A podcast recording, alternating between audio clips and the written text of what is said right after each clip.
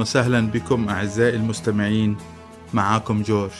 موضوع الحلقة الثانية من الموسم الأول هو كتابة أو تدوين قصة حياتك. اليوم بدنا نناقش سؤال من أين أتيت؟ اللي هو السؤال الأول في دورة معاكم نحو الحياة الأفضل. وهاي المرحلة الأولى هي عبارة عن تدوين قصة الحياة. قم بكتابة قصة حياتك بشكل مختصر بثلاثة إلى خمس صفحات. حاول الرجوع بالزمان إلى البداية وقم بسرد القصة ذاكرا الأشخاص المواقف والأحداث والظروف العامة التي قامت بالتأثير وتشكيل شخصيتك أو ظروف حياتك. هذه الأمور يمكن أن تضم شخصيات التي ساهمت بتشكيل حياتك مثل الأهل الأصدقاء زملاء الدراسة مدرسين رجال الدين الجيران إلى آخره. الأمر الثاني اللي لازم تضمه قصة حياتك هي الأحداث والمواقف. مثل التخرج بداية عمل جديد تغيير مكان الإقامة السفر إلى بلد آخر إلى آخره. الأمر الثالث اللي هي الظروف العامة الخارجة عن السيطرة وكانت مؤثرة على الكثيرين. مثل إن كان الأوضاع الاقتصادية إن كانت زلازل فيضانات أو كانت ظروف سياسية بالبلد إن كانت حروب أو تهجير. الكثير منا يمكن التعرف على أشخاص أو مواقف أو ظروف محددة ساهمت بصناعة شخصيتنا وشكلت ظروفنا الحالية. والكثير من الأوقات لم نتوقف للتفكير والتأمل ببنى بمدى تأثير هذه على حياتنا الشخصية أو حتى مستقبلنا. هذا التمرين تمرين كتابة قصة حياتك بشكل زمني متسلسل يساعدك على التعرف على كيف تفاعلت مع هذه الأمور.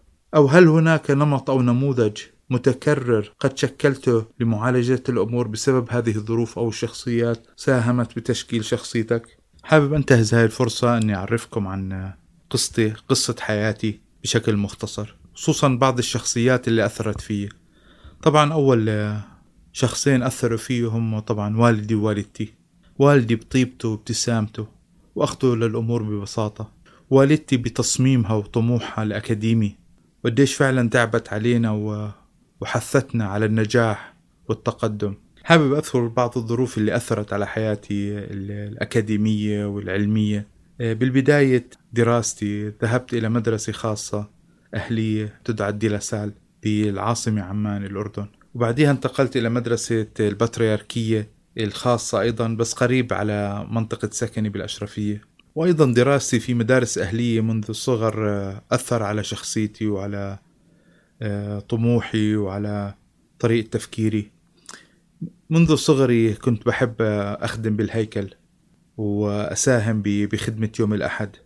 وأتيحت لي الفرصة أني أخدم لعدة سنوات آه، من صغري. كنت دائما أتواجد يوم الأحد. يطلب مني ألبس الثوب الأبيض وتعلمت إيش المطلوب. كنت أساهم بشكل أسبوعي بخدمة الهيكل. بحب أخدم الآخرين.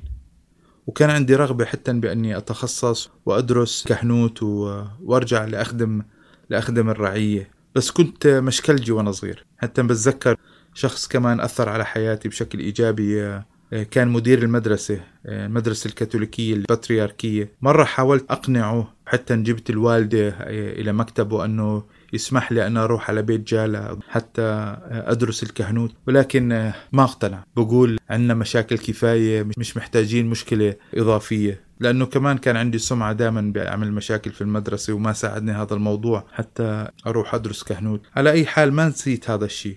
كان دائما على رغبة خدمة الآخرين. حتى أنا بتذكر وأنا بمرحلة الثانوية العامة كيف يوم الأيام وأنا عم بفكر بالمستقبل وطموحي و...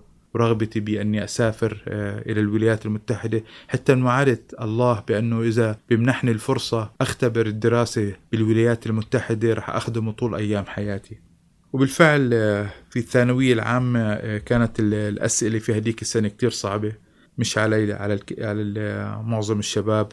وقد ما درسنا ودرست أنا شخصيا ما حصلت إلا 80 و7 بالعشرة. بالمساق العلمي كمعدل. وما كان هذا المعدل كافي للدخول لأي جامعة من الجامعات الأردنية. كان التنافس عالي هذيك السنة. تقريبا 35 ألف خريج من الثانوية العامة والجامعات الأردنية. أظن كان معدلهم أربعة في هديك السنة. جامعات اللي هي أربع سنوات. وكان استيعابهم لا يزيد عن 6000 طالب. من أصل 35 ألف طالب خريج. يعني ما حالفني الحظ. إذا بدك تسميه حظ. أني أدخل الجامعة. واضطريت أني أدخل معهد دبلوم سنتين وتخصصت ببرمجة الكمبيوتر. في هاي المرحلة كمان ما يئست. حاولت كل جهدي أول سنة ب بعد التخرج من الثانوية العامة أني أحصل على فيزا على الولايات المتحدة ونشكر الرب بسنة الثمانية وثمانين حصلت على فيزا للدراسة بالولايات المتحدة.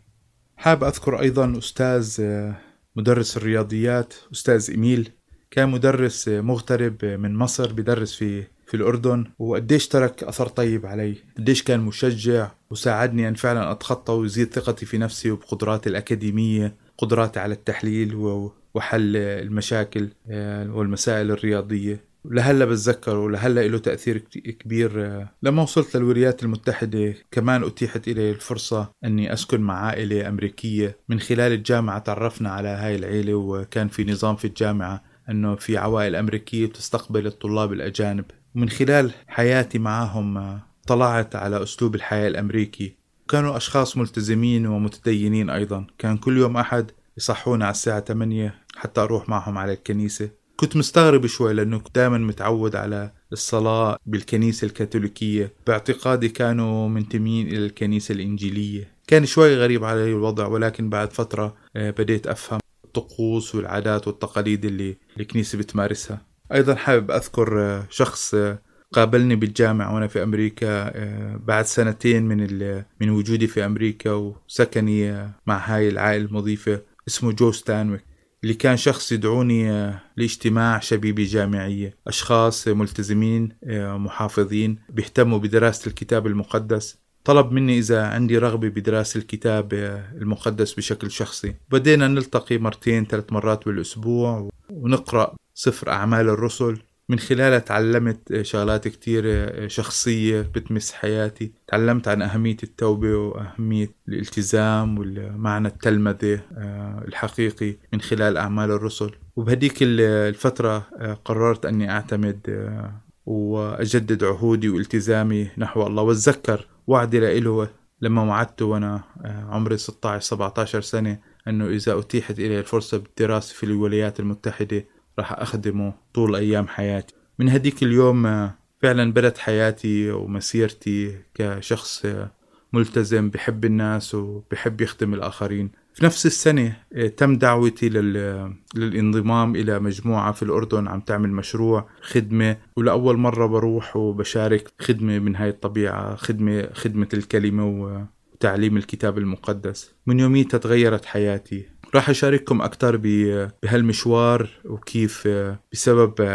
هالاختبار بسنة التسعين كيف حياتي توجهت نحو خدمة الآخرين وكيف انتهى في المطاف أني أني أتفرغ للخدمة وأسافر إلى عدة بلاد بالشرق الأوسط وبشمال أفريقيا حتى أساعد وأساهم بخدمة الجالية المسيحية في هذيك المناطق.